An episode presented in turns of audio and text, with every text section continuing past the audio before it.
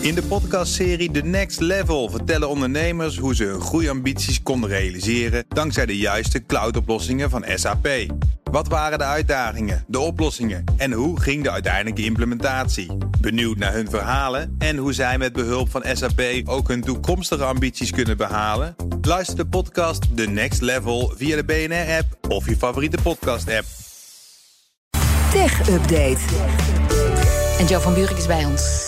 Hey Joe. Dag Liesbeth en Kees. Ja, uh, cyberonderzoekers zijn gestuurd op het grootste datalek ooit. Straks krijgen we ook nog uh, een nieuw record? Ja, zeker. Hou je vast. Echt hoor. Het, het, gaat om een database met maar liefst 26 miljard accounts. Oei. Dat zou dus iedere wereldburger keer drie kunnen zijn, minimaal, qua accounts. Maar in werkelijkheid gaat het natuurlijk om tientallen tot honderden accounts van honderden miljoenen mensen. Want ah, het ging om accounts. Ik zei dollar net. Maar goed. Nee, het gaat om accounts, inderdaad. Nou ja, dat, dat is natuurlijk heel wat. Maar ga maar eens na hoeveel accounts je wel niet hebt. Dat gaat ook gauw over de 100 heen als je door je password manager die je moet gebruiken wel. heen gaat. Maar goed, deze dataset is gevonden door onderzoekers van Cybernews. En die website meldt ook dit datalek. Het gros van de data daarin is afkomstig van Tencent, de Chinese techreus. 1,5 miljard records, opgeslagen bestanden, zeg mhm. maar, zitten daarin. Ook het Chinese Weibo draagt bij met 500 miljoen uh, records. En ook, jawel, MySpace, blast van de past. 360 miljoen accounts. En ook het uh, ja, oude Twitter, X, 281 miljoen accounts. Dat zou dus bijna alle gebruikers bij elkaar moeten zijn. Ja. De lijst is nog langer, want er zitten ook accounts in gevonden bij LinkedIn, Adobe en de webshop JD.com. En ook nog uh, gegevens uit databases van overheden, onder meer die van de VS, Turkije en Duitsland. Bij elkaar gaat het om een dataset van 12 terabyte. En dat zijn eigenlijk alleen maar gebruikersnamen en wachtwoorden en nog wat andere gevoelige gegevens. Nou ja, alleen maar. Dat ja, is precies wat je niet wil. Alleen maar zeg ik met ja. enig eufemisme. Ja. schrijven de onderzoekers. Hè. Gevoelige gegevens zijn dat. Ook een boel dubbelingen, waarschijnlijk omdat een samenstelling is van verschillende datalekken, cyberaanvallen en openbare mm -hmm. data bij elkaar. Dus dan is er overlap. Dus noemen we dit ook wel een comp, oftewel combination of many breaches. Hoe dan ook, het is enorm gemakkelijk te misbruiken door mensen met kwaad in de zin. Want ja, identiteitsdiefstal, phishing, inbraak op persoonlijke accounts. Dus laat het een waarschuwing zijn voor iedereen. Wees scherp op de berichtenmeldingen die je de komende tijd ja, krijgt. En vooral twee factor uh, authenticatie. Ja, altijd aanzetten. En die wachtwoordmanager ook. Hè. En pas je wachtwoord aan als het even kan. Maar ja, om dat nou bij al die 100 plus accounts te doen die je hebt. Nee, maar ja, kijk, als je daar een, een dubbel eh, wachtwoord hebt... of dat je even een code moet invoeren, een sms-code... als je die dan in één keer toegestuurd krijgt... dan weet je, uh, ah, iemand probeert erin te komen, Zeker. pas dan je wachtwoord Als je het aan kan zetten, meerstapsverificatie al te doen. En wat ik vaak doe, als ik dan ergens even moet inloggen... pas dan gelijk even je wachtwoord aan om de zoveel tijd. Ja, als je bij een account wat je maar heel weinig gebruikt. Ja, nou, bijvoorbeeld. Of dat je denkt, oh, ik moet het nu weer invoeren. Nou, dan pas ik hem gelijk even aan. Dus een minuutje werk.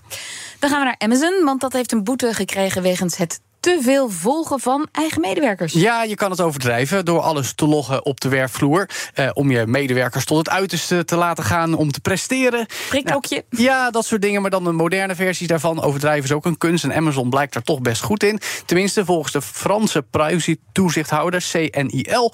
Die heeft namelijk uh, vastgesteld dat Amazon veel te nadrukkelijk medewerkers in de gaten heeft gehouden. Dat gaat om duizenden mensen die werken in de distributiecentra in Frankrijk. Bijvoorbeeld monitoren van de scanners waarmee pakketten gescand worden. Als die 10 minuten of langer niet werden gebruikt, dan ging er al melding naar uh, de, bovenste laag van het bedrijf.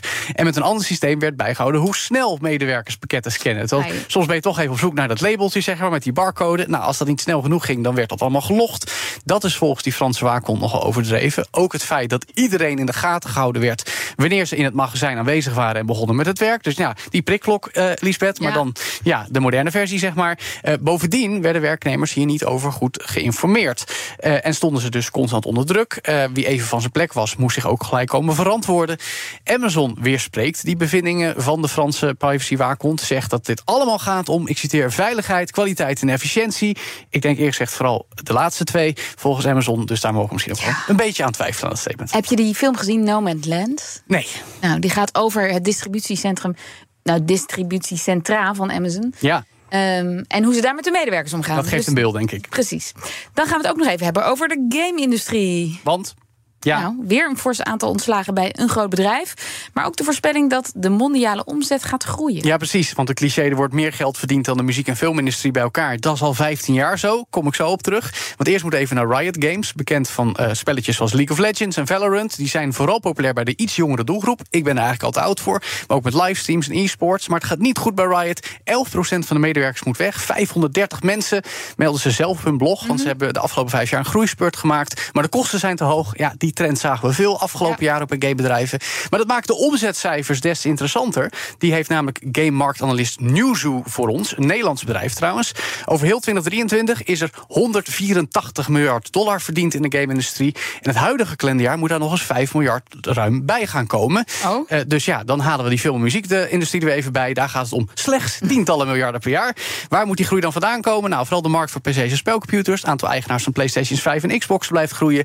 Daartegenover staat wel minder veel populaire games dit jaar. Maar 2023 was zo'n krankzinnig jaar qua releases. Heel veel titels die in coronatijd vertraging opliepen. En deze week op woensdag praten we uitgebreider met Nieuwshoe in BNR Digitaal over met die analyses. Met Nieuwshoe, zeker. Okay. Ja, met de Nederlandse lei leidinggevende analist. Nou, zeker luisteren. BNR Digitaal. Dankjewel, Joe van Buurik. De BNR Tech Update wordt mede mogelijk gemaakt door Lenklen. Lenklen. Betrokken expertise, gedreven innovaties.